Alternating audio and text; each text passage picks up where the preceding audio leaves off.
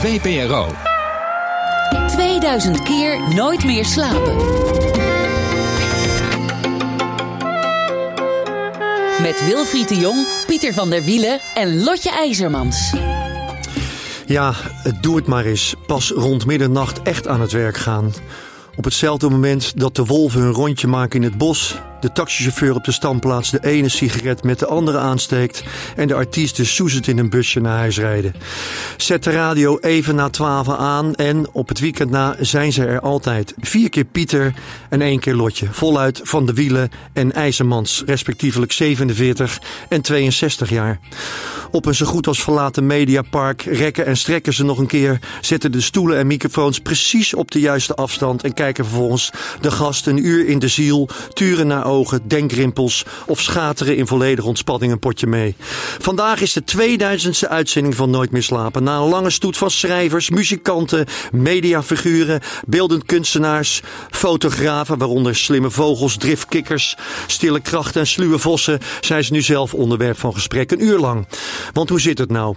Was Lotje IJzermans echt een tijdje de baas over Pieter? Is er nog iets over van haar Brabantse opvoeding? En klopt het dat ze een interview deed met een half kapotte koptelefoon en een doof oor? En wipte Pieter van vrolijkheid op zijn stoel toen hij Peter R. de Vries naar zijn zakje krentenbollen vroeg? Fikte zijn huis in Leiden echt een keer bijna af omdat hij in slaap viel bij kaarslicht? En stottert onze spraakwaterval wel eens op de radio? En wat vinden die twee meeste interviewers nou eigenlijk van elkaar, van hun werkgever de VPRO? En hoe rijden ze naar huis na een zo-zo uitzending waarin veel gevraagd maar weinig bereikt werd? Hoe lang durven ze stil te zijn en op een antwoord van een gast te wachten? En hoe houden ze het in godsnaam vol al die jaren? Hier zijn de twee stemmen van Nooit meer slapen. Tot zo. mooie inleiding. Nou, Dat, heb, dat hoor je ook heel vaak. Kennelijk Mooie is er, inleiding. Ja, dat hoor ik bij jou vaak, Pieter. Mensen zeggen mooi gezegd. Is er te weinig aandacht voor een goede, eh, goe- goede aankondiging van de gast in het algemeen op de radio dan? Toen we begonnen, eh, als je die eerste zou luisteren, dan, dan deed ik dat helemaal niet. Dan zei ik, u luistert naar Nooit meer slapen. Tegenover mij zit Wilfried. Hoi Wilfried, leuk dat je er bent. En dan begon ik. En, en toen was het op een gegeven moment iemand, eh, soms luister ik ook wel naar goede adviezen, die zei, ja dat moet je anders doen. Je moet, je moet ook even laten weten wie daar zit. En dat je trots bent dat hij er is. En dat je blij bent dat hij er is en waarom die er zit. Til dat een beetje op. Ge- geef dat een beetje cachet. En toen ben ik dat gaan doen. Met de gekke gewoonte om ook het geboortejaar te noemen. Volgens mij zijn er gasten die liever niet komen. Omdat ze denken, ja dan weet iedereen uit welk jaar ik stam. Ja. Daar heb ik helemaal geen zin in. Maar dat, dat was nou eens een goed advies van, van, van volgens mij was dat Botte Jellema die, die een tijd eh, bij- ons Die werkte. tweede uur vaak een kleine docu Ja. jullie maakten, hè? Maar die, die zei van ja, je kan niet zomaar met de deur in huis vallen van eh hey hoi, leuk dat je er bent en, en, en maar knallen. Nee. Dus En toen over- dacht ik, dan gaan we het ook helemaal doen Ja. en dan, dan Maar je zegt dus zelfs, met, zelfs even opzoeken wanneer iemand geboren is. Nou, nou vroeg ik vlak voor de uitzending nog even hoe oud jullie waren. Er werd eh, even snel door een red- hele perfecte redacteur uitgezocht op Wikipedia. Wat natuurlijk eigenlijk niet kan. Waarmee gelijk de, de, het geboortejaar van die Lotje IJzermans die bleek te kloppen op Wikipedia. Nou, dat is meteen, dan sta je meteen 3-0 Daar sta je achter. zegt- Dus dat had ik net op tijd goed. ja, als, ik Ja. heb dat wel eens gehad dat ik iemand vijf jaar ouder had gemaakt in de haast. Ja. Lotje, vrouwen hoe, is het nou als je, als je met een uitzending begint? Hè? Jij dus doorgaans op de, op de, op de, op de vrijdagnacht, zal ik maar zeggen. Hoe, hoe taxeer jij een gast? Die, die, die is binnen, misschien spreek je die gast even van tevoren. Maar hoe taxeer jij van, oeh, die is... ja, dat Die is, is zenuwachtig. eieren eten. Dat je, dat je eh, tot iemand moet zien door te dringen. En moet kijken waar die op aanslaat en waar niet. En dat, ja, het is fijn als iemand tien minuten eerder is en je dat al een beetje kan doen. En, en, maar soms komt iemand ook tijdens het journaal binnen en dan moet je gewoon maar beginnen. Het is toch een beetje trial and error. Ja, maar dat is gedurende de uitzending. Maar je hebt, je, je hebt altijd met die start te maken. Dat is, eh, het is een spannend moment. Jullie zijn nu de gast, hè? De allereerste keer dat ik Nooit meer slapen presteerde, had ik Romana Vrede te gast. De Ja. eh, actrice. Oh, zeg ik het weer. Ik noemde haar actrice in mijn inleiding, want daar gaat het nu over. Nou, ze werd echt heel boos. Meteen boos. Acteur. Ja. Ze was acteur, geen actrice. En wat vond jij daarvan? Oh, prima. Nou ja, maar je had ook gelijk obstinaat kunnen zeggen van ja, wacht even, zo, eh, zo dat maakt toch Nee, helemaal het niet was uit. mijn allereerste Nooit meer slapen achter de microfoon. En ik had, eh, ik had drie dingen dus naar haar eh, smaak verkeerd gezegd. Dus zij zei, ja, eerst even dit. En toen kreeg ik al mijn fouten. Dus zei ik, oké, dan doen we het overnieuw. Op... Maar het, is, het blijft vervelend als je, als je een foute start hebt. Jij zegt het ook, van eh, je wil het eigenlijk allemaal wel goed. Ja, als iemand meteen zegt, nou mag ik je even corrigeren. Ja. De titel van dat boek was de, de zon schijnt onder de maan en niet door de maan. En, eh, en ik stam uit 1964, niet 61. En eh, ja, hoe je er nou bij komt dat ik een Grammy heb gewonnen, dat is nooit gebeurd. Weet je, dat, dat, dat is niet een lekker begin van je uitzending. Nee. Dan sta je een beetje achter. Ja, maar je kan ook wel. Ik vond het ook wel grappig, omdat ik dacht van, nou, nu moet je echt aan de bakken. Je moet het gewoon van je af laten glijden. Ja, maar dat is, Niet zo erg. dat is ook wel een beetje waarom ik het vroeg. Van, van, je hebt een uur. Dat is in, in, in, tegenwoordig is dat een, een, een, een geweldig eind wat je, wat je af kunt lopen samen met iemand. Hè. Doorgaans een radio-interview is, is vijf, zes minuten al normaal geworden op, op, op, op Radio 1. Je, je zou kunnen zeggen van, ik probeer s'nachts in een soort mood te raken en dingen de tijd te geven. Maar je kan ook zeggen van, als je maar zes minuten maakt, moet je gelijk de koe bij de horens vatten. Hoe, hoe, hoe doen jullie dat? Verschilt een beetje per geval. In, in het begin had ik iets meer de neiging om meteen zo hard mogelijk, zo diep mogelijk in de materie te gaan.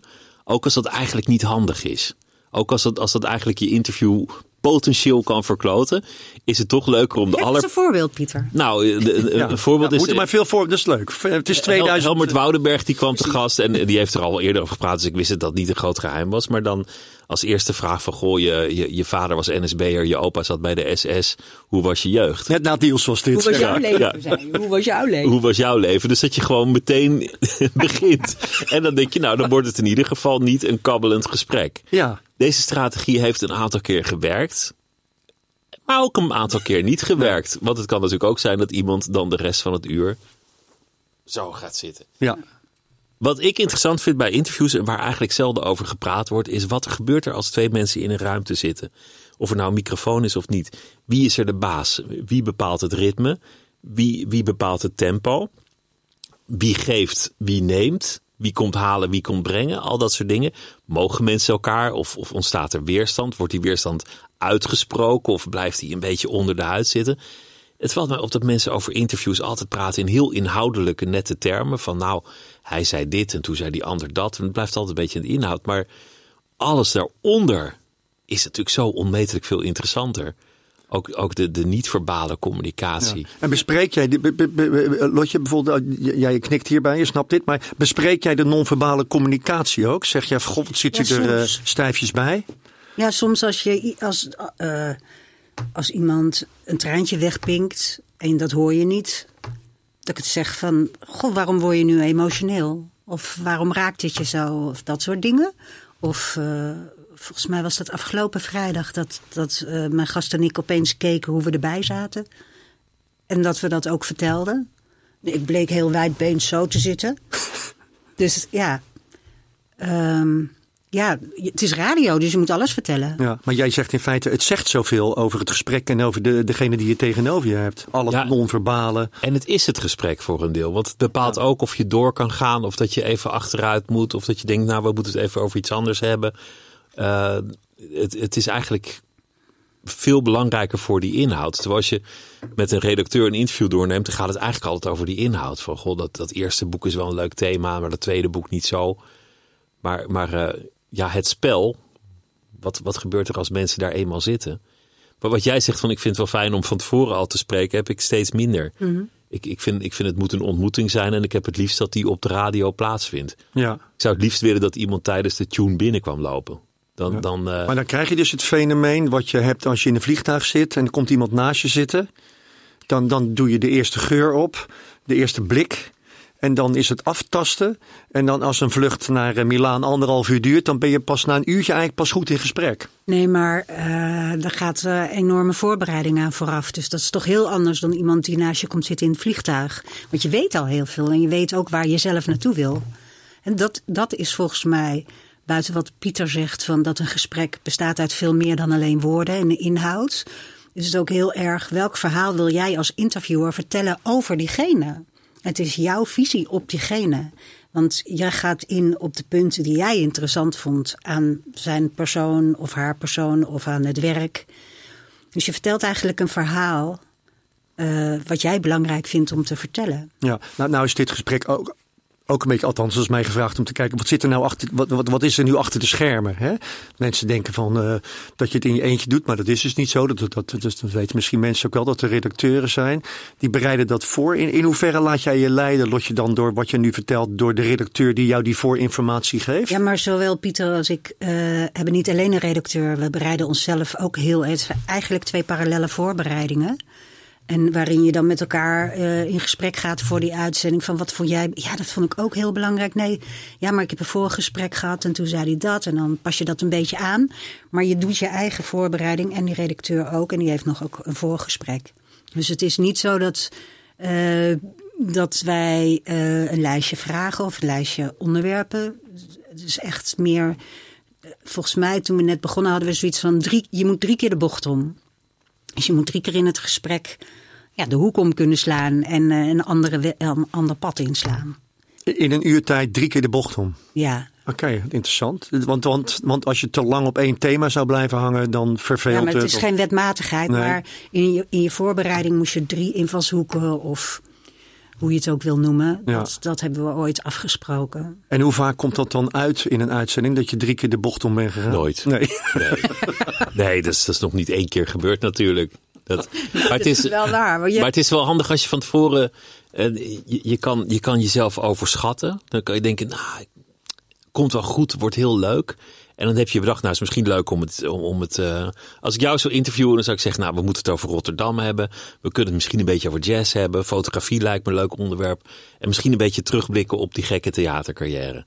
En dan, dan kan het natuurlijk zomaar zijn dat je, dat, je, dat je op een half uur zit en dat je eigenlijk al die onderwerpen al helemaal hebt gehad. Ja. En dan denk je, shit, had ik nou nog maar een onderwerpje. Dus, dus het is eigenlijk ook belangrijker dat je alert bent van, oh, hier, hier gebeurt eigenlijk iets leuks en er niet te snel doorheen jast. Ja. Wat je hebt. Ja, dat Die is, timing is moeilijk. timing is moeilijk, maar ook uh, je voorbereiding en wat er daadwerkelijk gebeurt zijn natuurlijk twee aparte grootheden. Ja. Ik denk nooit meer aan mijn voorbereiding als ik in die studio Ja, zit. wel. Dus ik, ik bereid me heel goed voor. Maar als ik er eenmaal zit, dan, dan, dan eh, is die voorbereiding. Ja, maar dat vind ik ook knap meer. van jou. Want jij gaat zonder iets ga je de studio in. En dan eh, doe je even wat op papier voor een inleiding. Die ook altijd eh, leuk is. En dan eh, ga je gewoon zitten. Dat heb ik niet. Ik heb wel echt van, nou, ik wil tot ongeveer twintig. Het kan allemaal anders lopen. Als het gesprek daartoe uitnodigt. Maar ik denk wel van, nou, dan, dan wil ik om twintig over één wil ik daar en daarover beginnen. Ik, heb, eh, ik ben, werk heel anders dan jij. Ik vind het heel knap wat jij kan. Nou ja, ik ben ook wel een paar keer eh, vrij goed op mijn bek gegaan. Ja. Dus ja, Maar je beaamt wel dat jij zo werkt, dat het zo Ja. klinkt in ieder geval. Ja. Zo, zo is het. Zo is het. Hij gaat gewoon, hij komt gewoon zo binnen Ja. en eh, hij gaat zitten. Ik, ik, heb een, ik heb een hekel aan die blaadjes, aan die papiertjes. Die, eh, wat, wat, wat ik toch wel vaak zie bij anderen. En iedereen moet op zijn eigen manier werken hoor. Maar ik zie vaak wel op tv dat, dan, dat er zo'n tegenshot komt bij zo'n talkshow. En dan zit die interviewer te lezen. En vaak nog met een Ja. vingertje. Ik, ik, ik vraag me ook af, maar je- jij hebt, jij hebt onlangs, en jij maakt nog wel eens een keertje op één, of als invaller of in de Ja, zomer of zo. in zomer, heb, ja. eh, heb je dan, die oortjes zijn tegenwoordig gebruikt, hè? Geen mens doet meer zonder bijna op televisie. Eh, maar worden er in die oortjes dan wel eens gefluisterd, je bent nu buiten beeld, je kunt nu lezen? Ja, bij jouw geval niet, want je hebt niet zoveel papier voor je dan. Nee, te- maar- tegen mij zeiden ze alleen maar ga eens rechtop zitten. dat, ging, dat ging dan het hele uur door. Ga eens rechtop zitten. Ga nou eens rechtop zitten. ja. En dat verdomde je? Nou ja, dat ging gewoon niet. Dan zit ik zo. Dan denk ik, nou, ik moet nu rechtop zitten. Ik ben op tv. En binnen no time zit ik weer helemaal zo, weet je wel. Ja. Het is gewoon een beetje een, eh, een, een houdingsdingetje. Maar, de, maar eigenlijk, eigenlijk eh, heb jij vooral bewondering voor het feit dat hij alles van zich af laat glijden, kennelijk. Bedoel, hij is voorbereid. En dat, dat, dat doe je goed, zeg je net zelf. Dat doe je lang en goed en met andere mensen. Maar op het moment dat de uitzending begint, is dat eigenlijk allemaal Ja. naar een, naar een, naar een, naar een laag niveau gezakt, waardoor je weer heel fris moet beginnen. Nou, Met allerlei wetenschap in je hoofd. Want, want je gaat fouten maken. Als, ik ga fouten maken als ik te veel bezig ben met een soort lijn die ik moet halen. Die, Ja. die lijn is er wel, daar hou ik me ook wel aan. Maar je mist iets. En, en, en dat gebeurt me eigenlijk nog steeds best wel vaak. Dat iemand een mooi verhaal wil vertellen. En, en dat jij er ineens voor de clue doorheen komt walsen. Omdat je zo nodig naar, naar invalshoek 3 wil. En, en daarmee sloop je iets. En dat, dat hoor ik dan wel eens terug. Of dat bedenk ik me dan later. Ja. En dat vind ik dan heel vervelend. Ik denk van ja, hou dan gewoon even je kop, dan, dan, dan gebeurt er nog eens iets. Dat, dat is toch leuker. En als jij nu, want, want Lotje zegt wat over jou. Als jij omgekeerd nu, ik weet niet of je alle keren naar Lotje kan luisteren of luistert. Misschien denk je, ik ben vrij, Nou ja, ik luister ik, niet. Ik, ik hoor het wel. Oké, wat, wat is haar, wat, hoe is haar manier van doen? Hoe, hoe komt zij dat uur door? nou, ik, Hoe doet ze het? ik, ik vind altijd het belangrijkste dat er iemand zit en niet een functionaris. Dat is wel heel erg. Nee, nee, ik bedoel niet dat het rooster gevuld is en dat. Nee, ik ben ook soms bang dat ze er gewoon niet is, Lotje. Nee, nee, maar heel veel, heel veel interviewers die, die zijn de, de, de, de totaal neutrale interviewer. En ik wil dat er een persoon zit die, die vanuit zichzelf aanwezig is en ook, ook eh, met, met, ja, met eigen voorkeur, mening, richting, eh, emotie daar zit als een mens en, en niet als een, eh, een functionaris of, of zoiets. Dus ik wil dat het een gesprek is en een ontmoeting tussen twee personen, waarbij de een toevallig vragen stelt en de ander antwoorden geeft. Maar het moet wel een gelijkwaardige ontmoeting zijn. Ja. Dat, dat, Maar daarmee heb je nog niet gezegd hoe zij werkt, hoe, je, hoe, hoe ze klinkt. nou wat ja, jij zo, hoort. Zo klinkt ze. Ze klinkt als, als Lotje. Lotje is zichzelf. En op dat moment zou niemand anders dat gesprek op die manier kunnen voeren. En daarmee wordt het een leuk gesprek. Of geen leuk gesprek, dat kan ook, maar dat is dan ook prima. Want Ja. dan, dan is het tenminste de, de chemie tussen die twee karakters die dat als uitwerking heeft. Ja. Maar is, is het ook zo dat je, dat je als interviewer, naarmate je het meer doet, jullie zijn alle twee eh, relatieve seniors in het vak, jullie doen het heel lang, dat, dat, dat het ook steeds lastiger wordt om naar een ander te luisteren en te knikken en te zeggen dat is goed gedaan? Nee, dat heb ik niet zo. Nee, Nee, kan- jij vindt kan- iedereen goed. Nee, ook niet. Maar ik kan, ik kan, ik kan gewoon ook wel gewoon het uitzetten. Dan, dan ben ik niet aan het werk. Dus, dus dan. eh, Ja, ik heb, ik heb eh, een, een van mijn beste vrienden is een ongelooflijk goede muzikant met een fantastisch muzikaal gehoor. En die kan, die kan dat helemaal uitzetten als hij gewoon naar de radio luistert. En dan, dan kan hij, ondanks dat iemand super vals zingt en hij dat moet horen, want ik hoor het al, Ja. kan hij toch zeggen: Ja, ik snap waarom dit een succes is.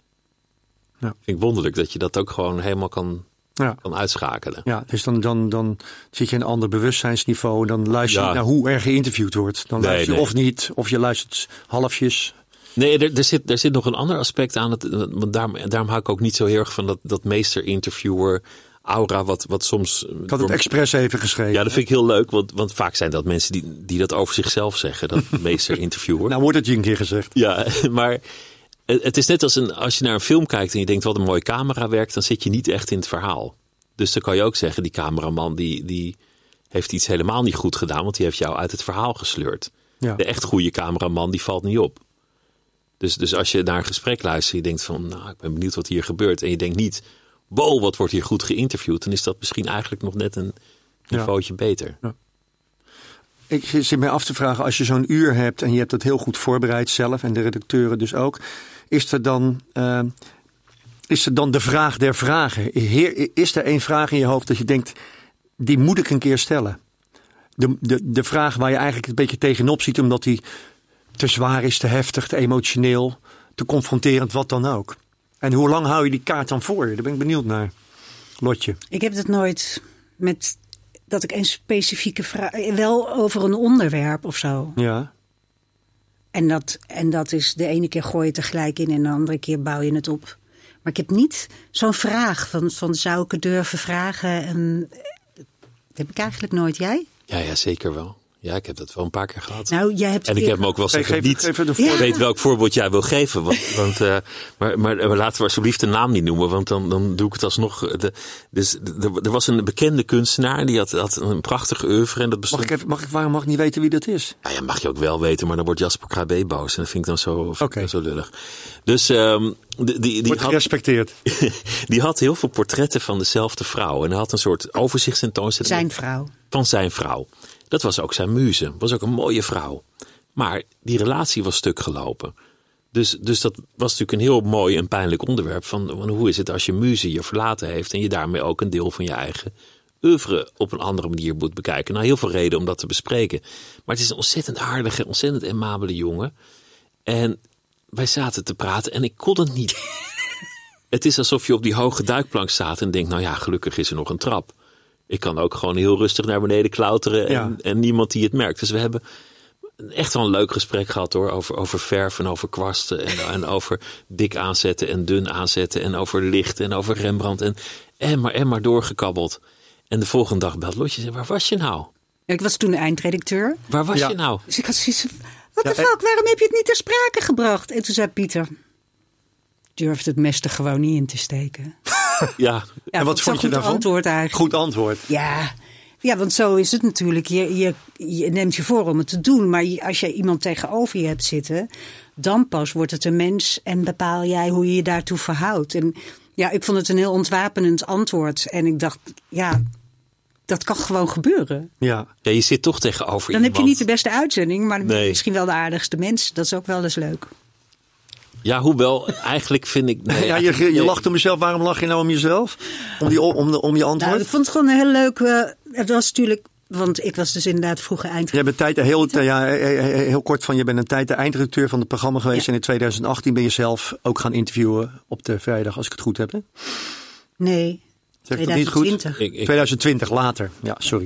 Ik ben vijf jaar eindredacteur geweest, geloof ik. ja, best Dus wel dan lang. belde, belde, belde je altijd, dat doet Paula, de huidige eindredacteur Ja. ook. Die belt gewoon volgende dag om eh, na te bespreken. En dan, ja, Pieter had dan soms van dit soort antwoorden. Ja, dan was ik eigenlijk wel uitgeluld. Ik zei ook wel eens tegen Pieter, je moet de redactie ook wat credit geven, weet je wel? En dan zei Pieter, ja Lot, maar eh, je hebt eh, Jan Klaassen, die gaat toch ook niet tegen zijn publiek zeggen: Ik ben eigenlijk eh, een hand met een lappenpoppetje ja, dan was ik eigenlijk ook wel weer uitgeluld. Dat zijn Ja. ontwapenende Maar dit is een charme-offensiefje via de telefoon. En Ja. dat, dat werkt dus nogal doeltreffend. Soms, soms ook Maar- niet. maar het is- maar dit zegt, dit zegt iets over. Dit zegt, ook, iets- zegt mij ook iets over de, over de grens van de interview. Er wordt altijd maar verlangd dat je 2000 keer je verhoudt tot je gast. Eh, en daar, daar ben je hard voor aan het werk. Maar er is ook altijd een grens van wie je zelf bent. En of je iets kan en of je iets durft in dit geval.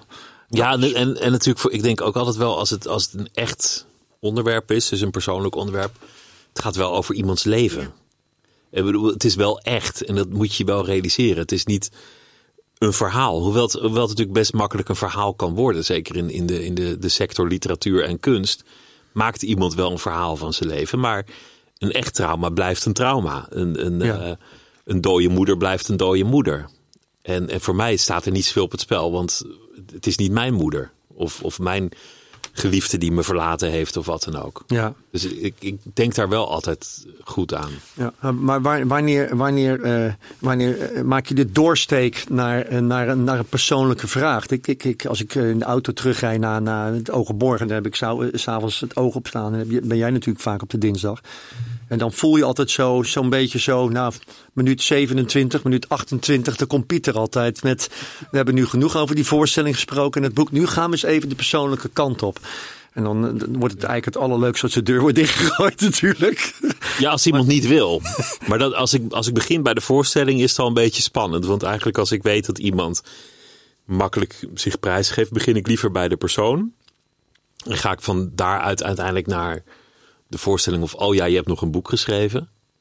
Maar, maar als je al weet van, nou, ik weet niet of dat helemaal gaat lukken, dan begin je heel veilig met, eh goh, je hebt een boek geschreven, vertel eens Ja. over, je, over je voetreis naar Catalonië of zo. En, Maar is dat, is dat, een, is dat, een, is dat, een, eh, is dat een dilemma?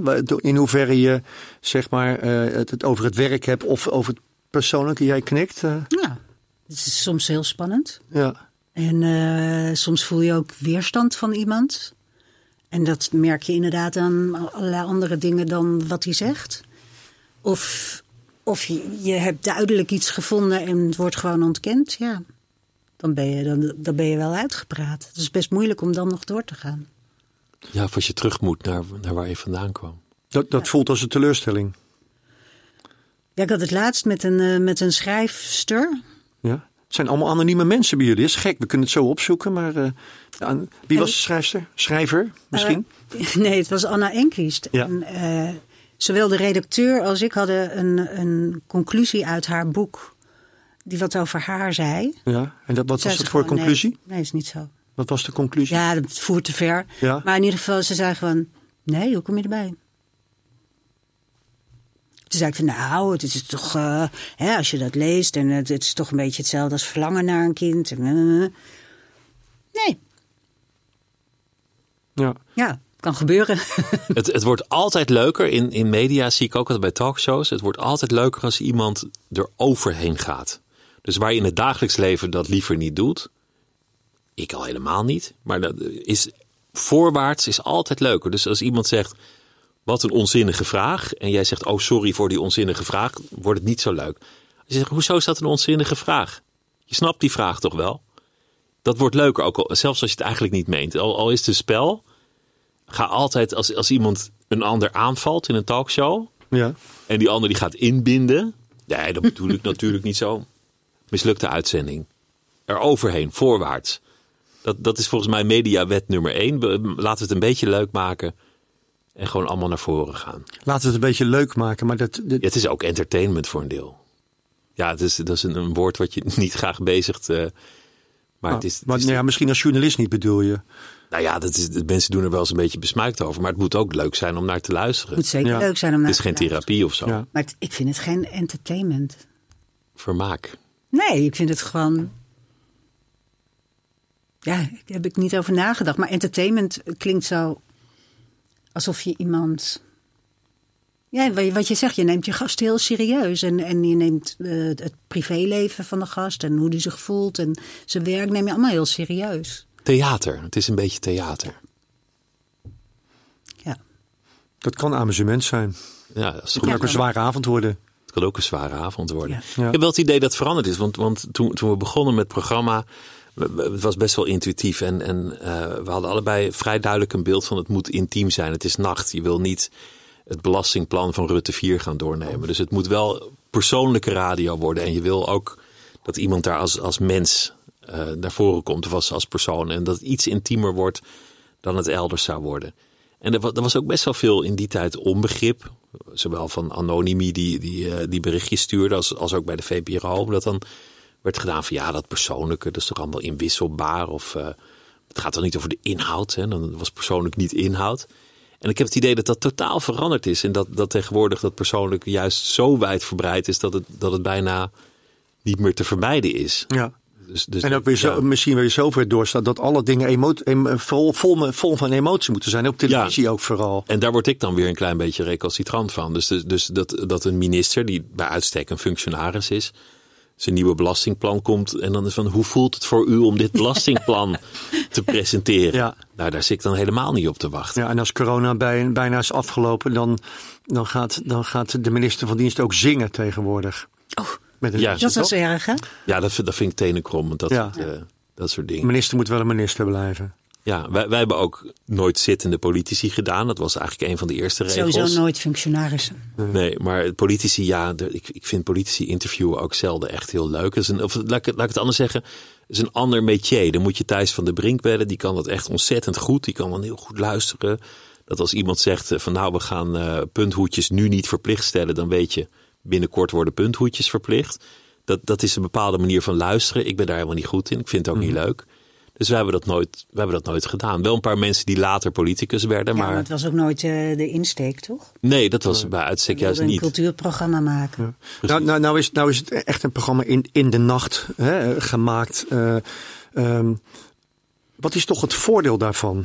Wat, wat, Ja, ik, ik hou heel erg van die nachtradio, omdat het, eh, ja, het tempo is ietsje lager, maar het is donker en er zijn nog maar een paar mensen op en we zijn onder elkaar. Het, het voelt gewoon intiemer. Alle hectiek is achter je. En dan gaan we gewoon rustig zitten voor een goed gesprek. ja. Maar, maar na twaalf is toch ook een tijdstip dat mensen eh eens een blootje nemen. Dat mensen eens een, een wijntje drinken. eh, dat mensen de spuit in de arm zetten. of een pistool aan hun slaap. Eh, Ja. ma- Maken jullie van dat soort dingen? Nou, pistool aan slaap, dan hadden we het wel geweten. Maar zijn, komen mensen wel eens vaak een beetje aangeschoten binnen? Zijn ze wel eens dat je Heel denkt... vaak. Het is Wij, schenken ook niks. Nou, als iemand. Als iemand het vraagt wel, maar de In alle bescheidenheid, ik heb een keer Teun, Nou, vraag is, wil je koffie, thee of water? ik heb een keer Teun Voeten moeten interviewen voor Nooit meer slapen als invaller van Ja. een van jullie twee. En die kwam gewoon met een fles wijn. En ja, zo begon de uitzending begon met een plop, zou ik maar zeggen. Het was, het was niet slecht, zal ik maar zeggen. Ja, dat is grappig. Nou, ik, Roosbief kwam een keer best wel lam binnen. En toen, toen zei ik tegen de regisseur: hou er maar dronken. Want dan heb je een beter interview dan wanneer je inkakt. Want je kent dat Hou wel. er maar dronken. Ja, want als je, als je zeg maar dronken bent en, en, en de, supply stopt, dan val je in slaap. Kan je maar beter gewoon nog een Ja. paar biertjes neerzetten. En uh, Ja, en, En werkte dat? ja, werkt heel goed. Was, was een prachtig interview. Ja. ja. Wat wij zeggen? Connie Palme in, ehm, in ehm, het Amstel Hotel. Oh ja, toen was ik naar er het niet. Songfestival met Douwe Bob. Ja, dat is waar. Ja. En toen deed Esther Naomi Perkin, eh, die deed het interview met eh Voor nooit slapen, ja. En Connie was best wel aangeschoten al aan het begin van de avond. En die spanning. En oh ja, ik heb gewonnen, de Libris. Oh. Dus eh, die was best wel aangeschoten. Maar eh, ja, dat vond ik heel knap van haar. Ze kon heel goed formuleren. En, maar het was heel spannend van of ze, of ze dat zou kunnen. Want wij kenden haar niet verder van hoe werkt dat bij haar. Maar dat was eigenlijk, dus was heel dronken, maar er was niks aan de hand. Was natuurlijk een ervaren drinker, dus dan, dan kan Ja. je dat op een Ja, nu niet meer. Nee. Nee. Ja, en Ilja heb ik wel eens dronken gehad toen hij nog dronk, maar die, die drinkt ook niks meer. En wat merkte je daaraan? Hier op Vijver? Ah ja, die praten wel, dat ging prima. Maar ik kwam, ja, hij is toevallig ook mijn buurman in Leiden, dus ik kwam hem een dag later tegen. En hij wist al helemaal niet meer dat we elkaar gesproken hadden de avond ervoor. Dan had je hem best goed zitten, denk ik. Nu, nu, nu, nu, nu je ons eh, meeneemt naar Leiden. Je, je- je, bent in Oesgeest geboren hè? De- Ja. en in Leiden wel een tijdje gestudeerd. In eh, Amsterdam gewoond, denk ik toen. Ja, Niet. Amsterdam gewoond, klopt. Maar weer terug naar Leiden. Ja. Altijd maar weer terug naar Leiden. Lijkt wel een soort eh, Ja, nooit terug naar. Oesgeest. Ja, Maar, ja, nooit- waarom is dat? Nou, dat, dat ging. Ik kwam gewoon nooit helemaal weg uit Leiden. Ik vond het, er was toch een soort ja, ge- gewenning. En dat ging, ging ook best wel gênant ver. Dat, dat, dan had de kat van de buren vlooien. En die zaten dan op mijn vloerkleed in Amsterdam. En dacht ik, oh, in Leiden zit zo'n hele goede dierenwinkel. Die kan me wel adviseren. Alsof er in Amsterdam niet ook 60 dierenwinkels zitten. Die dat vast ook wel weten. Maar dan ging ik even naar Leiden om, om eh, vlooienspul te halen. En als je dan toch in Leiden bent kan je net zo goed eventjes naar het café kijken of er bekenden zitten. Dus, dus zo gênant was dat. En ja, dus het was ook wel een beetje de sterren geschreven dat ik er dan weer Ja. een dag zou wonen. Maar je zou ook kunnen zeggen, god, de, de mondaine Pieter van der Wielen, die alles en iedereen kent in de cultuur inmiddels, na 2000, eh, nou ja, 1500 afleveringen van woont dan in 2000. dat Leiden. woont dan in een middelgrote stad, middelkleine stad misschien wel Leiden. Wat zegt dat over Een jou? provinciestad. Ja. Ja, ik weet niet, wat zegt dat over mij? Nou ja, misschien eh, vind ik het ook wel lekker om dat een kleine beetje afstand tot, eh, tot de dingen te bewaren. Tot, tot, tot de onderwerpen, eh, tot, tot, tot Ja, tot de mensen die je spreekt. dacht ik ook. Ja, ja nou ja, dat, dat, je, dat je niet helemaal eh, verzonken bent in de, in, in, in de wereld van, eh, van, de, van de cultuur. Maar wil jij überhaupt wel ergens bij horen? Nee. Nee. nee. dat is niet mijn sterkste punt. Ergens bij horen is me nooit heel goed Want? gelukt. Ja, ik, ik heb dan vaak een soort recalcitrantie. En, en ik vind het ook wat lekker om er net iets buiten te staan. En dan, vind, vind het ook niet heel fraai hoor, maar zo'n beetje aan de oever van de dansvloer eh, de, de boel te observeren. Zo op een dag ga ik ook een pijp roken, denk ik. En dat je dan zo dat allemaal overziet. En, en ook altijd wel zoiets van... Ja, kijk, ik werk nu, weet ik veel, eh, tien jaar voor de VPRO. Of ik denk nog wel langer, al met al. Eerst heel lang freelance. Maar kan ik nog steeds praten over de VPRO als een soort biologisch fenomeen... dat ik door een verrekijker beschouw. Ja. Dit- Nou ja, in, ja. In, in mijn voorbereiding, in gesprek met de redacteur, kwam dit heel even ter sprake. Ja, Pieter, Pieter is nog, nog eens, heeft nog wel eens een opmerking over de VPRO. Een grap. Ik kan me er een van op één herinneren dat er over Ja. een, do- een documentaire, weet jij het nog? Een documentaire Waren van. jullie klaar met de reeks eh, op één? Ja, die weet ik ook nog. En ja. toen zei jij zoiets van, eh, ja, we gaan nu weer eh, documentaires uit Oezbekistan uitzenden. Nee, we gaan Onbegrijpelijk onvertaalde shit. eh, Begrijpelijke zo. Films. Zwart-wit documentaire. Ja, dat, dat, Wat is dat? Waar, waarom, waarom zet jij je af tegen de VPRO? Ja dat vind ik, ik zet me tegen alles altijd af. Ik heb gewoon, ik heb gewoon een recalcitrant karakter. Zou, zou je morgen de AFRO bellen en dan, dan zou ik bij de AFRO werken. Dan zou ik binnen no time opmerkingen over de AFRO maken. Ja. En dan zou er een soort opmerking komen over een showbiz-trap of zo, of weet ik veel. Maar, maar dat, zou, dat doet vermoeden dat je dus een stekelig bent, hier en daar. Maar dat is eigenlijk in je interviews eigenlijk nooit, bijna nooit Nee, het is, te niet, horen. het is niet echt stekelig of zo. Er, er zit ook weer niet zoveel achter. Maar het, Is het meer flauwiteit dan of zo? Ja, het? d- ja dat, dat is het ook een, een beetje. Een, een beetje. Maar er zit ook wel dat, dat je er naar. Nou, bijvoorbeeld toen we dat op één deden, dan, dan gingen we het op één doen. En eigenlijk achteraf had ik ook niet bij stilgestaan. Ik denk, wat moet de VPRO aan een talkshowtafel? Dus, dus wij deden dat naar eer en geweten.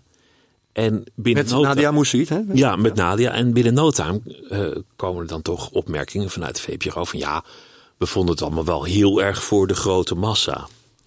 Denk, ja, hè, de, het is een talkshow. Wat verwacht je Ja. nou? Dus daar komt ook Ja, maar jij maakt programma's voor de kleine elite in de nacht. Ja, nou ja, je dat hoop ik niet. Ja, jullie willen zo breed mogelijk zijn, dat weet ik wel. Ja, Maar toch. nou, dat is, wel een, dat is wel een interessant punt, maar dat, dat is eigenlijk weer een ander onderwerp. Ja. Maar ik, ik, vind, ik wil eigenlijk een programma maken voor iedereen, maar dat wil niet zeggen, als, als een omroep zegt voor iedereen, dan, dan is dat vaak een defensief voor iedereen. We willen dat niemand hier aanstoot aan. Maar begrijp ik nu dat je niet op je plek zat bij op één dan? Als je het zo moet zeggen. Nee, niet echt. Nee. Nee. Nou, althans, ik, ik, Je mist het niet op dit moment. Nee, ik, ik denk trouwens dat niemand echt op zijn plek zit bij op één. In, in die zin dat ik had niet het idee dat dat nou mijn beste werk was. Terwijl het eigenlijk wel goed ging hoor. Het is ook niet zo dat het heel slecht ging. Maar ik denk bijvoorbeeld Paul de Leeuw vind ik een briljant televisiemaker in zijn ding. Maar die vond ik daar ook niet uit de verf komen. Jort Kelder ook niet. Ehm, eigenlijk al die mensen, iedereen wordt in een soort corset tot een soort middelmaat. En, en dat bedoel ik ook met, met voor iedereen. Wil niet zeggen dat je alles afzwakt. Dat je een soort eh, smaakloze pastillen krijgt die iedereen wel weg kan klokken. Ja. Voor iedereen gaat over de drempel. Dat die gewoon laat. Potentieel voor iedereen. Dat iedereen binnen kan lopen. En dat je niet allerlei barricades opwerpt met Exact, voorkennis precies. en eh, wetenschap die je al moet hebben. Dat je gewoon welkom bent. Ja. En dat iets Dat vind, je, dat vind jij ook heel belangrijk bij Nooit meer slapen. Jij bent een beetje de, de, de vormgever geweest van het programma toch, bij aanvang. je hebt het verzonnen. Nou ja, ja wat, en nu dit uur is niet zo verzonnen, zeg maar. Maar, Ja, maar ehm, wel voortgekomen uit de avonden, de behoefte om zo'n programma in de nacht te hebben. Ja, ik was eerst eindredacteur van de avond. En dat was een programma dat, dat ging heel erg uit van voorkennis. En dan ging je heel erg op eh, de derde strofe en het vierde kwartijn van het gedicht praten of zo. En voor Ben je mij, nog, Pieter? ja, ja, ja. precies. Voor mij had dat niet veel bekoring. Omdat ik, natuurlijk is dat heel waardevol en, en prima, maar dan heb je een niche. En eh, wij wilden op Radio 1, en dan wilden we niet een niche. Dan wilden we gewoon de wereld veroveren. En ehm, het is zo simpel om iets toegankelijk te maken. Want je doet even een komma en dan leg je even uit wat het is en dan praat je weer door. En het gaat over enthousiasme en over eh, gewoon even bij stilstaan wat mensen misschien niet weten. Ja. Dus dat was heel erg onze missie om het eh, toegankelijk te maken voor iedereen die er zin in had. Je moet natuurlijk niet. ehm, de avonden zat op Radio 6, daar moest je heel veel moeite voor doen om dat te vinden. Radio 1, je zet het aan en het is er. Dus dan wil je, wil je niet het gevoel hebben dat jij niet mee mag doen, omdat je toevallig iets niet weet. Ja. Wat, wat, wat- we, we kwamen een beetje op vanuit, vanuit televisieland. En, en, en op, en jij, hebt- jij hebt ook een tijdje televisie gemaakt. Nee, me nooit eh, gepresteerd. Altijd. Nee, maar, je- maar, maar eh, toch wel, wat heb je? eh, eh, eh, wat heb je nou voor televisie? Je hebt toch televisie dingen gemaakt? Lola da Musica. Documentaire? Lola da Musica Ja, precies. begonnen, ja. En, maar dat eh, was meer documentairwerk rond, rond muziek bijvoorbeeld. Ja, veel Ja. rond muziek, maar ook wel andere dingetjes gedaan. En een speelfilm. Is ook op tv geweest. Of alleen maar in de Ook in de bioscoop. bioscoop. Ja. Want dan heb je ooit nog een keer. Nou, ga ik toch eens een keer. Weet je wat het voordeel is? Als je een beetje oud wordt, dan, dan heb je een leesbril nodig. En ik schrijf dus van tevoren heel veel rotzooi op als ik voorbereid. Dat leg ik dan neer, maar ik kan nooit meer lezen. Ja, want ik heb precies. geen zin in om mijn bril op te doen. Dus ik moet het toch allemaal uit mijn Je moet het toch uit je hoofd doen. Ja, en nou moet ik echt zoeken. Want ik heb iets opgeschreven wat jij. ehm, wat jij zei eh, naar aanleiding van een gesprek in 2013 eh, op, eh, bij Kunststof. Eh, over, die, over die film die je maakte. Ben je bang dat het een hele foute zin wordt die ik zeg? Nee. Zonder bluff is het leven duf, heb jij toen op die Ja. tegel geschreven in 2013. Ja, klopt. Wat is dat nou? Wat, wat, wat, wat, eh, wat is daarvan Er was over? gewoon iemand die zei dat altijd tegen mij. Zonder bluff is leven duf. Ja, vond ik, vond ik een goeie. Nee, wat ik be- bedoel is, je moet gewoon, net als de avonden met, eh, weet ik veel, 8000 luisteraars. En dan zeg je, nou, we gaan naar Radio 1. En dan zeg je dat gewoon. En dan wordt het waar. En dan wordt het waar. Dus je moet een beetje bluffen. Ja. Eh, oh ja, maar ik ga een speelfilm schrijven. Geen idee. Nou, en dan, dan ga je dat geloven en dan ga je dat doen. Daar hou ik heel erg van. ja. En is dat, is dat, heb je dat nog steeds nodig, die bluff? Je bent, je bent 62, het is nooit netjes om, namen, om, om steeds maar met die jaartallen of die tallen te komen. Ja, ik ben goed. dus 62. Je bent dus Ik 62. wil het wel even daar Nog lang geen 63? Ja, nee, nog lang niet. Nee. Nee. Ehm, nou, ik heb niet Het meer, klinkt alsof je in 2013 nog iets moet bevechten en misschien nu niet nee, ik meer. heb niet meer zoveel Wat? ambitie. Nee? Wat minder ambitie. Ja. Jij zei toen in dat gesprek bij Kunststof Dat, dat ging over dat de Red Hot Chili Peppers jou een soort me-too avant la lettre Ja, gaven. zeker. Echt een, een, een schunnige, eh, gore opmerking. Een hele vervelende. Volgens mij zei een van die Snuiters. muzikanten van, volgens mij is jouw, in het Engels weliswaar, is jouw, is jouw eh, klaarkom, eh, klaarkom, eh, I'm wiping your cum off my face, zei hij. ja. Ja, is komen, ik weet het niet meer. Maar En Ja, klaarkom spatten staan nog in mijn gezicht. Zo'n soort zin. Zo'n soort zin. En toen, en toen zei jij tegen de, de interviewer. Nou, dat vond ik zo erg dat ik daarna wist: ik durf nu alles, want Ja. dit is mij overkomen. Nu hoef ik. Ja, hoef ik niet meer nerveus te zijn, ik hoef niks meer te vrezen. Want ik ben eigenlijk nooit Dit is, nerveus, want ik denk ja. altijd van, nou ja, erger, erger dan dat wordt het nooit meer. En, eh, en toen is er ook niks gebeurd. Het was gewoon heel gênant. En, eh, en dat ging gewoon voorbij. En je, je ademt nog en er gebeurt niks. Ja. Dat is het meest gezonde punt wat je kan hebben. 30 jaar lang van, oh, jij bent toen door de chili Ja, inderdaad. Ja. Dus dat, dat is wat er gebeurd is. Maar verder, Nou, dan, dan, dan, dan, dan krijg je het besef van, ik, eh, als ik dit doorkom, kan ik dus ja, kennelijk je bent alles gewoon bevrijd van, Ja. van angst om af te gaan op Maar de de- radio.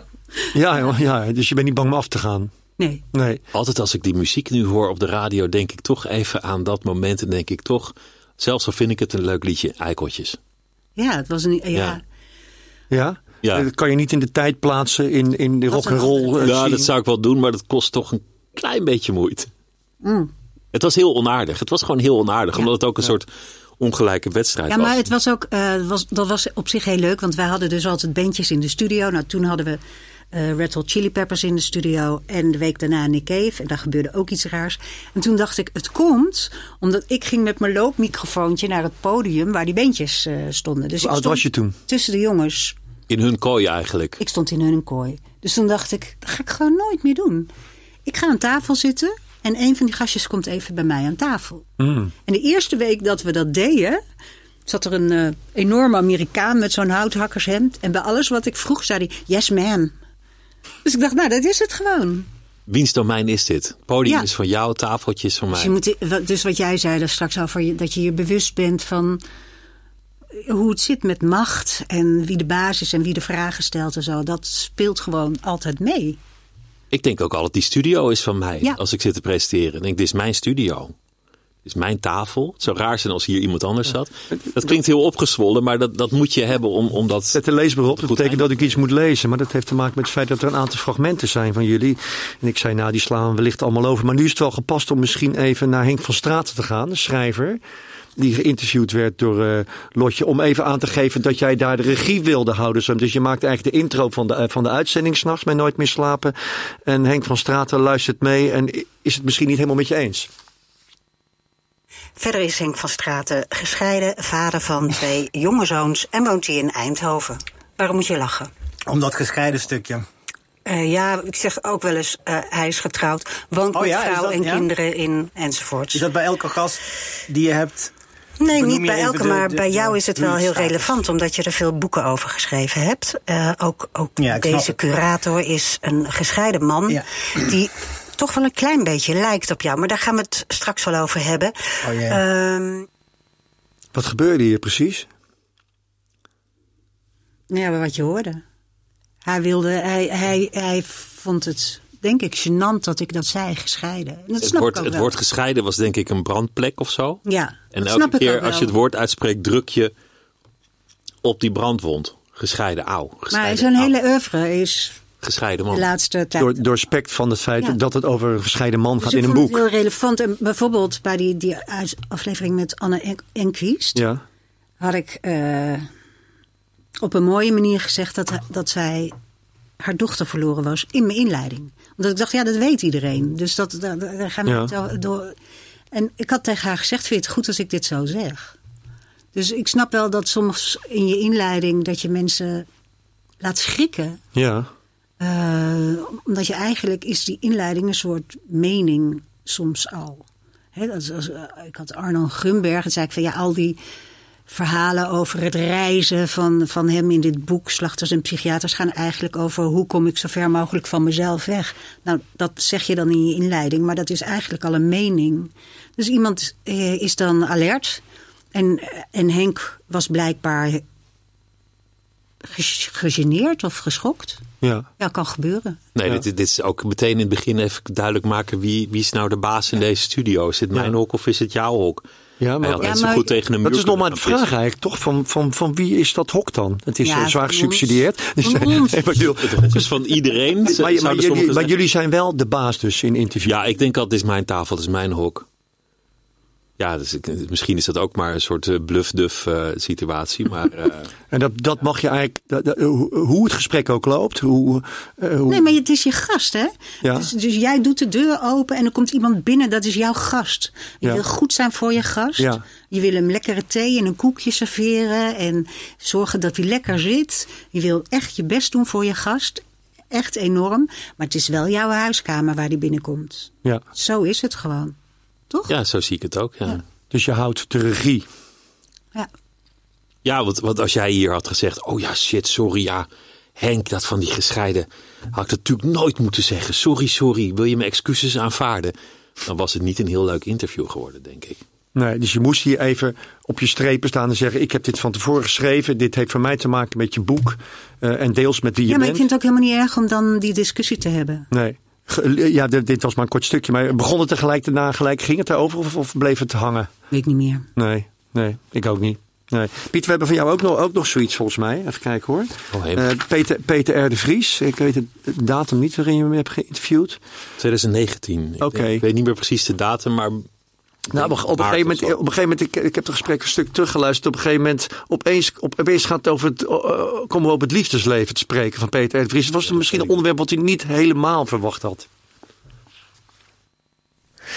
Je zei, ik ben ook een liefhebber van mooie vrouwen. Net als net als Cor van Hout. Dan probeer ik me een voorstelling van te maken van, van hoe jij dan bent. Of, of er dan ineens een hele romantische kant tevoorschijn komt. Nou ja, laat ik daar Met een haardvuur en een glaasje zeggen, wijn maar, en- eh, nou ja. ik, eh, ik denk dat iedereen daar zijn eigen fantasie maar op moet loslaten. Dat, daar ga je ze niet bij helpen. Nee, nee, nee. Ja, dat vind ik heel leuk eigenlijk. Ja. daar, werd, daar werd hij toch, almachtige Peter, een beetje ongemakkelijk. En, en zo- dan zie je ook een andere kant die, die, die na zijn dood iets meer eh, in het voetlicht is gekomen. Dat, dat er ook wel een soort kwetsbaarheid in zat. En, en eh, ook bijna een soort verlegenheid ergens toch ook lonkte. Dus ik vond het heel leuk. Ja. Er zat, een, zat ook even een kuchje in voordat, het woord, voordat hij het woord nam. Even, Ja, want daarvoor, daarvoor was eigenlijk, zei hij, eh, ja, Cor en ik, ja, we houden allebei van voetbal. En eh, we zien een mooie vrouw wel staan. Dus dat had nog een beetje een soort bravoer. ja. En, en, en hier ineens is die bravoer weg. Maar, maar daarna loopt het gesprek eigenlijk weer door. Het is eigenlijk maar een half minuutje even. Ja, heel Hoe- kort. En wel, wel, wel mooi, mooi half minuutje en heel, hè, een pareltje. Maar je hebt dan, denk je dan niet, ik ga hier nog een paar keer een paar vragen op verder? Nee, dat, dat dacht ik ook weer niet. op door? Ik dacht, ik dacht we, we hebben het wel. We hebben het wel, We zo'n beetje. Het wel, ja. Rond maar af. Maar dat is. eh, ik vond het wel een bijzonder gesprek om een, om een aantal redenen. Ook omdat ik altijd wel gewoon fan en bewonderaar van, van Peter R. de Vries was. Mhm. En ben, eh, postuum. En wat, wat er in het gesprek zat, dat, dat was. Ik had gezien dat, dat hij tijdens die, die eh, Hollederzaak. op een zeker ogenblik. die Holleder zit hem echt als een beest aan te loeren. Heel intimiderend. En Peter R. de Vries die pakt uit zijn tas een zak met krentenbollen. En gaat in alle rust zo'n krentenbol zitten verorberen. En ik, ik vond het echt fantastisch. Om, om daar, want het werd allemaal live uitgezonden om redenen die ook verder niemand ooit nog kan, kan terugtoveren. Maar goed, dat je op zo'n moment een krent ook niet, weet je, ook niet een pistoletje met brie, want dat heeft al wat meer cachet. Nee, krentenbol. Dus ik vroeg hem daarnaar. en Ik dacht, we gaan lekker lang, veel te lang, over die krentenbol. Zo die- Door, Je ja. begint er zelf, maar ook dat stukje is er ook nog. Veel opmerkelijker vond ik de, de laatste keer de krentenbol. Ja, Dat, dat je dan daar zit met al die camera's en al die druk. En, en dan nou ja, in, in de buurt van een, eh, een groot crimineel die jou bedreigd heeft. En dat je dan in alle rust een, een krentenbolletje eet. Het leek bijna een statement. Ja, maar mensen die, mij, die lang met mij hebben gewerkt weten dat ik altijd een eh, zak krentenbollen in de auto heb liggen. Omdat eh, dat iets is wat vrij lang goed blijft, waar je niks aan hoeft te doen en wat best lekker is. En ik ben een beetje lui in dat soort dingen. Ik, ik ben niet iemand die s'morgens brood klaar wil maken of dat soort dingen. Dus ik, uh, al jarenlang heb ik altijd een zak krentenbollen bij me. En uh, dat je denkt van, nou ja, als we niet echt ergens kunnen lunchen... Is er altijd, uh, zijn er altijd een paar krentenbollen die je weg kan kouwen... en dan heb je toch wat in je maag. Zo zit het eigenlijk. Het leek bijna een statement. Iedereen komt tegenwoordig met een, met een bagel met, met 16 ingrediënten. Nou, maar een krentenbol is best lekker en dat kan niet veel. Hij, het is niet zo dat hij na een halve dag niet meer smaakt of zo. Gewoon prima. Mooi, mooi fragment, hoor. Ja, en, het, en wat, wat, wat ontroerend was, was toen die. Het werd toen hier en daar opgepikt. En het werd, werd ook een beetje met, met plezier gedeeld op, op nu.nl en zo. En, en toen was hij doodgeschoten. En toen heeft iemand op de plaats delict, las ik later, een zak krentenbollen neergelegd. En dat ontroerde me ontzettend toen. Dacht ik Ja. van, goh, wat, wat gepast en eigenlijk ook grappig. Ja, toch voor die zak krentenbollen. Moet er best denken aan Cornelis Bastiaan Vaandragen, die dichter die doodging. En was een vrouw, die was een, een zware dopie ook wel, een, een geweldige dichter. Bij de begrafenis schijnt er iemand geweest te zijn die hem altijd kopjes koffie gaf. En die sch- schonk daar een kopje koffie in, dus met een schoteltje. En die gooide dat gewoon heel hard op die kist. Dat geluid moet geweldig geweest zijn, met zo'n lepeltje wat nog even doorrolt. Het is een beetje vergelijkbaar dat mensen de gewone dingen gebruiken om emoties te tonen. Eigenlijk een krentenbol bij... eh, Ja, van kistsigaren eh, Ja, dat. in, in de doodskist te leggen. Ja. Wat, wat is nou eigenlijk. eh, we, vieren in feite de, de, de 2000ste, 2000ste aflevering van, van dit radioprogramma. Wat- wat is nou de keerzijde voor jullie? Privé, geestelijk, lichamelijk? Nou, Lotje, Lotje, nee, wacht. Lotje kijkt naar jou van begin jij maar. Maar begin jij maar eens, Lotje. Nou, voor mij zit er weinig keerzijde aan. Nou, jawel, de, de tijd, er heeft wel een tijd een keerzijde aan gezeten. En dat was? Toen ik eindredacteur was Ja. en ik niet... Je hebt een burn-out eraan overgehouden. Lijkt me nog Ja. Dus dat was een behoorlijke keerzijde. ja. En kun, je, kun je verklaren waar zo'n burn-out dan vandaan is gekomen? Hoe? Nou, in mijn geval kan ik het verklaren. Dat had heel- alles te maken met dat ik niet achter de microfoon zat. Wat ik gewoon het leukste vind om te doen.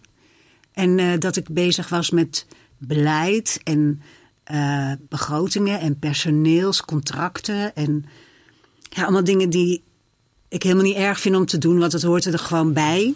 Maar die mij niet voeden. Dus, en hoe lang, hoe lang heeft die periode geduurd? Vijf jaar. Vijf jaar. Dus ben je vijf jaar eigenlijk. Helemaal leeg. Nee, maar dan ben je vijf, dan ga je dus eigenlijk voorbij aan, aan iets wat je, waar, je, waar je naar wil grijpen, wat je het liefste wil. Die appel, maar je plukt hem maar niet de hele tijd. Nou ja, dat kon niet. Ik kon ook niet, ja, want we waren toen nog twee uur. En eindredactie daarover voeren was best veel werk. Dus eh, ik kon ook niet zeggen van, oh ja trouwens, Joep, doei, ik ga vrijdag presenteren. En ik vond het ook raar, want ik was eindredacteur. En mijn toenmalige baas vond het ook niet goed. Nee, dat moet je niet doen, dat moet je gescheiden houden. En toen was, toen was ik gewoon klaar. Toen was ik helemaal leeg. Ja. Dus dat was voor mij de keerzijde. Maar nu zit er voor mij helemaal geen keerzijde aan. Want ik vind het alleen maar het leukste ever. ja. Maar zelfs zo leuk dat je, dat je net zei van, eh, ik heb eigenlijk geen ambitie meer. Dus je had misschien wel de ambitie rond of na je burn-out om te presenteren. en dat ja, heb je gevonden. Dat wist ik helemaal niet. Ik wist helemaal niet dat, het, dat ik daarop leeg was gelopen. Nee, oké, daar kom je misschien later. Ja, dat dat, verbind je nu. ook zo, dat, Ja. dat moet je een weggetje afleggen. Maar eh, voor mij zijn er nu geen keerzijdes. Maar ik, dat, dat hij het volhoudt, Ja, Pieter, dat, dat, dat, vind dat ik echt bovenmenselijk. Oh. ja. Wow. Maar ik, ik, ik meen ergens gelezen te hebben in de voorinformatie, maar dat weet ik niet zeker meer, dat er vroeger heel vaak tegen jou in de eerste jaren werd gezegd, jeetje, was het ook nog vijf keer vroeger, klopt dat? Ja. Van, Ja. hoe hou, hè, en twee uur lang, hè, die Ja, tweede tot twee uit- uur. Twee uur ook nog eens. Hoe hou je dat vol na een jaar al? En nu, nu, nu beginnen mensen het gewoon te vinden? Ja, dat is natuurlijk. eh, Als je, als je na één week op zo'n redactie binnenkomt, dan krijg je applaus. Van, oh, gaat het nog? Een week. Maar ja, een week is Vijf natuurlijk, een week dat kan iedere boerenlul. Ja. Maar, maar zeg maar, de, de, de krampjes die komen na een aantal jaar. En dan zegt iedereen, hoe bedoel je krampjes? Wat zit je nou? Wat? Moe? Waar, waar ben jij dan moe van? Dus, dus die, Nou. dat, kan, dat kan. Maar de, de- nou, ik heb, ik heb wel op een zeker ogenblik een zekere upgrade in discipline moeten, moeten toepassen. Dus in het begin, dan kwam ik thuis om, om drie uur, half vier. En dan dacht ik, nou, ik heb hard gewerkt. Ik neem nog een glaasje wijn. En dan ga ik nog een beetje, beetje Air Crash Investigation kijken. En dan was het zes uur. En dan werd het half acht. En dan hoor ik de buurman met zijn kinderen naar school gaan. En denk, godsam, ik moet nu wel eens gaan slapen. En dan de dag erna weer en de dag erna weer. Met al die voorbereiding. Dus toen kwam ik vrij snel op een punt dat ik dacht, nou, dit, dit gaat niet helemaal goed. Dus, dus toen, tegenwoordig is het echt meteen naar bed. Slapen, ook je uren tellen, heb ik genoeg geslapen. En ik vind, ik vind het ook een beetje, beetje zeurderig klinken, maar ja... Kijk, als, de, als er iemand in jouw straat verbouwt en er gaat elke ochtend om zeven uur een ghettoblaster aan en dat duurt drie weken, dan, dan zijn dat lange drie weken. Als jij om, om drie uur in je bed ligt. Dus, eh, dus dat is wel een keerzijde. Die, die heb ik al bij vlagen mogen voelen. Dat je, dat je echt, en als je dan heel moe, heel moe bent de hele dag. En dan zit je in de studio, dan ben je weer lekker wakker. Weet je wel? Ja. Dat heb ik altijd. Ik ben ook een beetje een avondmens, dus dat, dat hou je toch wel. Ja.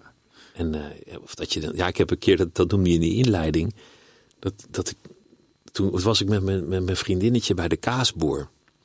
En toen zei de kaasboer, "Goh, heb, je het, heb je het gehoord? Er is brand in jouw straat daar aan die gracht. Brand. Ik zeg, oh, waar dan? Ja, in dat, dat grote pand. Ik zei, dat, pand, dat, dat kan niet, want dat is mijn huis. Nou, dan staat jouw huis in brand. ik zeg, dat vind ik niet zo leuk. Dus ik, ik zei, die kaas komt wel. En ik, ik zie inderdaad twee brandweerwagens voor dat huis staan.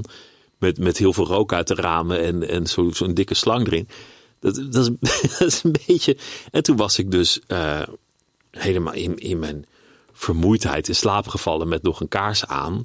Die de volgende dag een beetje had doorgesmuld. En toen we 's ochtends even, even ontbijt gingen halen of zo. Toen was die. eh, had het vlam gevat. En toen dacht ik wel, je moet, moet een beetje opletten dat je niet te versuft door je leven gaat. Want je bent ook eigenlijk een gevaar. Netjes toch met, met fietsen, Sleutels vergeten sleutels en en, eh, allerlei dingen die je gewoon toch vergat. Omdat Ja, omdat je zo'n jetlag hebt. Omdat je gewoon versuft. eh, ja. En wat is de oplossing daarvoor als je dat al zo lang doet? Slapen is je echt slapen. Je moet gewoon slapen. Ja. Slapen is je best. En helpt verkering ook? Ja, op meerdere manieren. Ook, ook een, een ander aspect. Toen, wij elkaar net kenden, dat ze op een gegeven moment zei ze van, wat doen we dit weekend? Zei ik, nou vrijdag hebben we een voorstelling in Bellevue. En dan zaterdagmiddag een opening van een expositie. En zei Ga, gaan we het hele weekend jouw werk doen? Ik dacht het niet, vriend, dat gaan we niet doen. Dus, dus dat, dat houdt je ook wel een beetje, want het is eigenlijk niet een gezonde manier van leven om alles maar in je werk te stoppen. Ook al zijn het allemaal leuke dingen. Ik denk altijd, als je in een, in een zaal zit, ja, de rest heeft een kaartje moeten kopen. Dus hoe naar kan het zijn? Ja. Maar tegelijk ben je natuurlijk eigenlijk toch ook wel weer aan het werk. Dus het is ook wel gezond als iemand zegt van joh, gast, we zijn er wel. We gaan Ja. iets anders doen. Ja. En, en, maar dat, dat uur eraf heeft mij, ja, dat was, het was natuurlijk gewoon een, een doodordinaire bezuiniging. En had jij daar nog, eh, had jij hier nog betekenis in? Want jij was eindredacteur in die periode. Ja, dus heb jij nog eens gezegd, moet je niet eens wat minderen? Ja, op- zeker. Ja, ik heb hem eh, van vijf op vier dagen gezet. Was je best wel boos, hè? Ja, wel onder protest, ja. maar dat, protest duurde één week. Ja. Maar, het, Maar dat is- dat, dat- hoeft dat toch is- niet? Dat is een ego-trekje dan, zou je zeggen. Dan wil je per se laten zien dat je vijf keer kan. Ja, en dat het dan, dan, dan, dan wil je het ook soort van. Het heeft natuurlijk een soort charme als je een programma maakt dat je het dan horizontaal doet. En dat- je dan een, elke dag, dat is anders dan één keer in de week. Dus, dus dat soort dingen kwamen daarbij kijken. Dat ik dat dacht van, nou, dan maak je het nog even af. En ook van, ja, het gaat toch wel. Het gaat toch prima, hoe bedoel je? Klink ik verrot, wat is er aan de hand? Maar ja, dan één keer op vrijdag, vrijdag dacht ik van, eh Ja, oh, is lekker zeg. Een heel weekend. Ja. ja. Als we nu eh, zo'n beetje aan het eind van de uitzending komen en weten dat, we twee, dat er 2000 uitzendingen eh, zijn gemaakt, dat, kunnen we dan nu nog een uitspraak van jullie alle twee verwachten, zodat we later kunnen zeggen, ja, toen zeiden ze al dat. Een, een, een toekomstvoorspelling voor waar het allemaal naartoe gaat? Nee, dat, dat weet je. Jij, zegt, ik, ben, ik, ik- heb het naar mijn zin achter de microfoon, maar ik, ben niet, ik heb niet meer een speciale ambitie. Ja, ik heb wel ambities, maar niet meer. eh, niet meer zo. als vroeger. En wat was dat vroeger dan? Ja, vroeg, ja, dat vind ik een heel ingewikkeld onderwerp. Maar ik probeer minder ambities te hebben. Dat is het ook. Ik wil minder ambities hebben. Omdat, ik wil misschien wel eh, een busje met bejaarden rijden. Ja, maar of zo, dat- of toch probeer dan in, die halve minuut, minuut, die rest die minuut eh, wel uit te leggen wat er dan vroeger was, dat het, dat het woord ambitie Ja, ik anders wilde- was. Ik, ik wilde altijd wel de, de wereld. Ik wilde altijd gewoon. Wat de Als wereld je, in. als je een plan hebt, dan, Ja. dan moet je zo groot mogelijk denken. Dat wilde ik altijd. En nu probeer ik eh, gewoon, omdat je wat ouder wordt en denkt, nou ja, ja, probeer ik juist een beetje klein te denken. Dat is het. En, en, en klein is vrijdagnacht om 12 uur Ja. maak ik mijn mooie uur radio en dan Ja. heb ik de regie bij die twee microfoons die er staan. Dat is toch en, mooi jij, genoeg? Dat is, Ja. toch, dat is toch al prima? Ja. Dat is al heel wat, denk ik. en jij, Pu?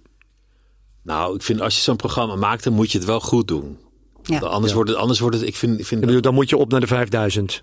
Ja, of het gaat niet eens over de numerologie. Want, want ik heb altijd moeite met getallen. Dan denk ik altijd, ik had zoiets, ooit kreeg ik een brief van de, van de spoorwegen. En dan hadden ze in een soort marketingding gezegd: Hoera, u heeft wel 500 keer een kaartje naar Parijs gekocht.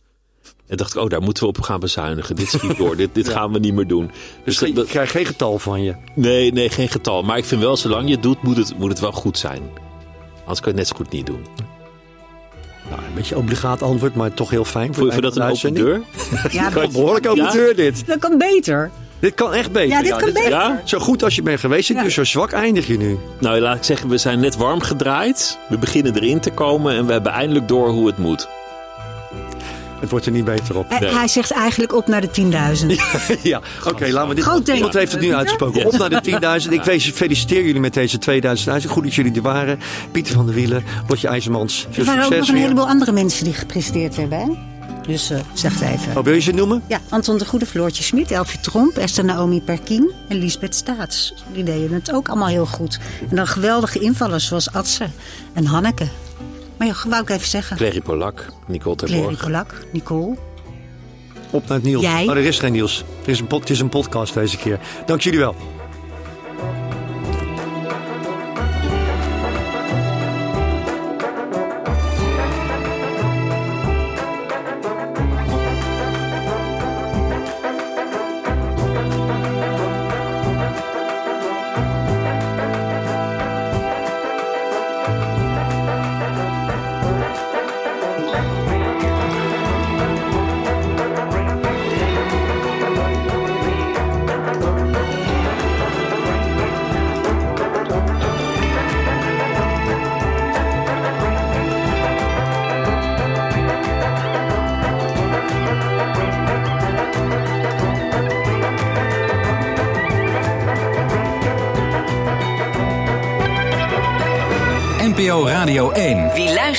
Weet meer.